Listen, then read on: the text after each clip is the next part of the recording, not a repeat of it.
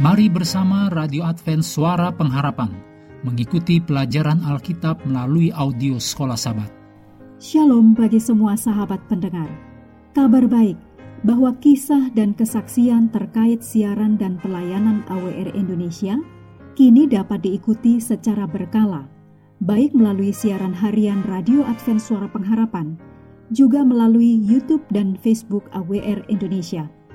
Terima kasih banyak untuk yang sudah menyampaikan dan masih terbuka bagi Anda semua untuk segera SMS atau telepon ke nomor AWR di 0821 1061 1595 atau di nomor 0816 1188 302 untuk WhatsApp dan Telegram.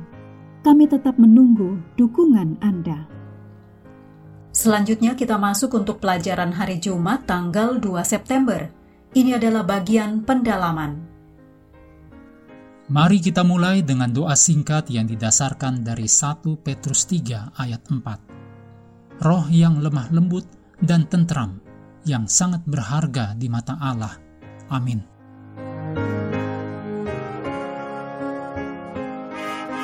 Anda perlu membaca tulisan Ellen G. White judulnya Pentingnya Mencari Pengetahuan yang Benar dalam The Ministry of Healing halaman 435 sampai 442. Juga judulnya Khotbah di atas Bukit dalam Alpha dan Omega jilid 5 halaman 317 sampai 335. Dan judulnya Pekerja dan Kualifikasi yang Harus Dimiliki dalam buku Mari Bersaksi halaman 673. Berikut ini kutipan dari buku Alfa dan Omega jilid 5 halaman 321 322. Kesukaran yang akan kita hadapi dapat berkurang dengan kelemah lembutan yang terlindung di dalam Kristus.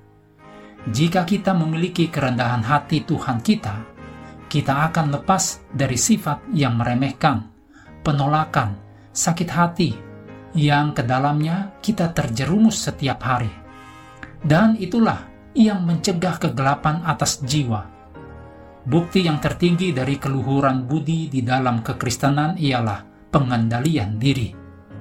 Orang yang ada di bawah kejahatan dan kebengisan gagal memiliki sifat tenang dan roh yang penuh kepercayaan, merampok Tuhan daripada haknya untuk menyatakan di dalamnya kesempurnaan tabiatnya. Kerendahan hati itu adalah kekuatan yang memberi kemenangan kepada pengikut-pengikut Kristus. Itu adalah tanda hubungan mereka dengan pengadilan surga. Berikut ini pertanyaan-pertanyaan untuk diskusi. Bagaimanakah kerendahan hati memungkinkan kita untuk melampaui rasa sakit dan gangguan?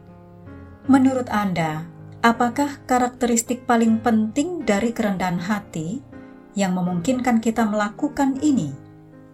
Yang kedua, dalam budaya Anda sendiri, bagaimana karakteristik kerendahan hati dan kelemah lembutan dipandang? Apakah mereka dihormati atau dihina, atau bagaimana? Tekanan apakah yang Anda hadapi dalam budaya Anda yang bertentangan dengan pengembangan karakteristik ini?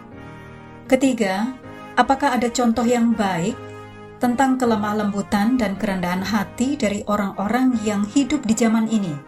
Jika ya, siapa mereka? Dan bagaimana mereka menampilkan sifat-sifat ini dan apakah yang bisa kita pelajari dari mereka? Yang keempat, mengapa kita sering menyamakan kelemah lembutan dan kerendahan hati dengan kelemahan? Kelima, kita telah melihat bagaimana Daud mencari Tuhan sebagai tempat perlindungan. Tetapi bagaimana cara kerjanya? Bagaimanakah perlindungan itu selalu diwujudkan? Dengan kata lain, bagaimana kita sebagai gereja dapat menjadi tempat perlindungan bagi mereka yang membutuhkan perlindungan? Perlindungan seperti apa yang disediakan oleh gereja setempat Anda sendiri?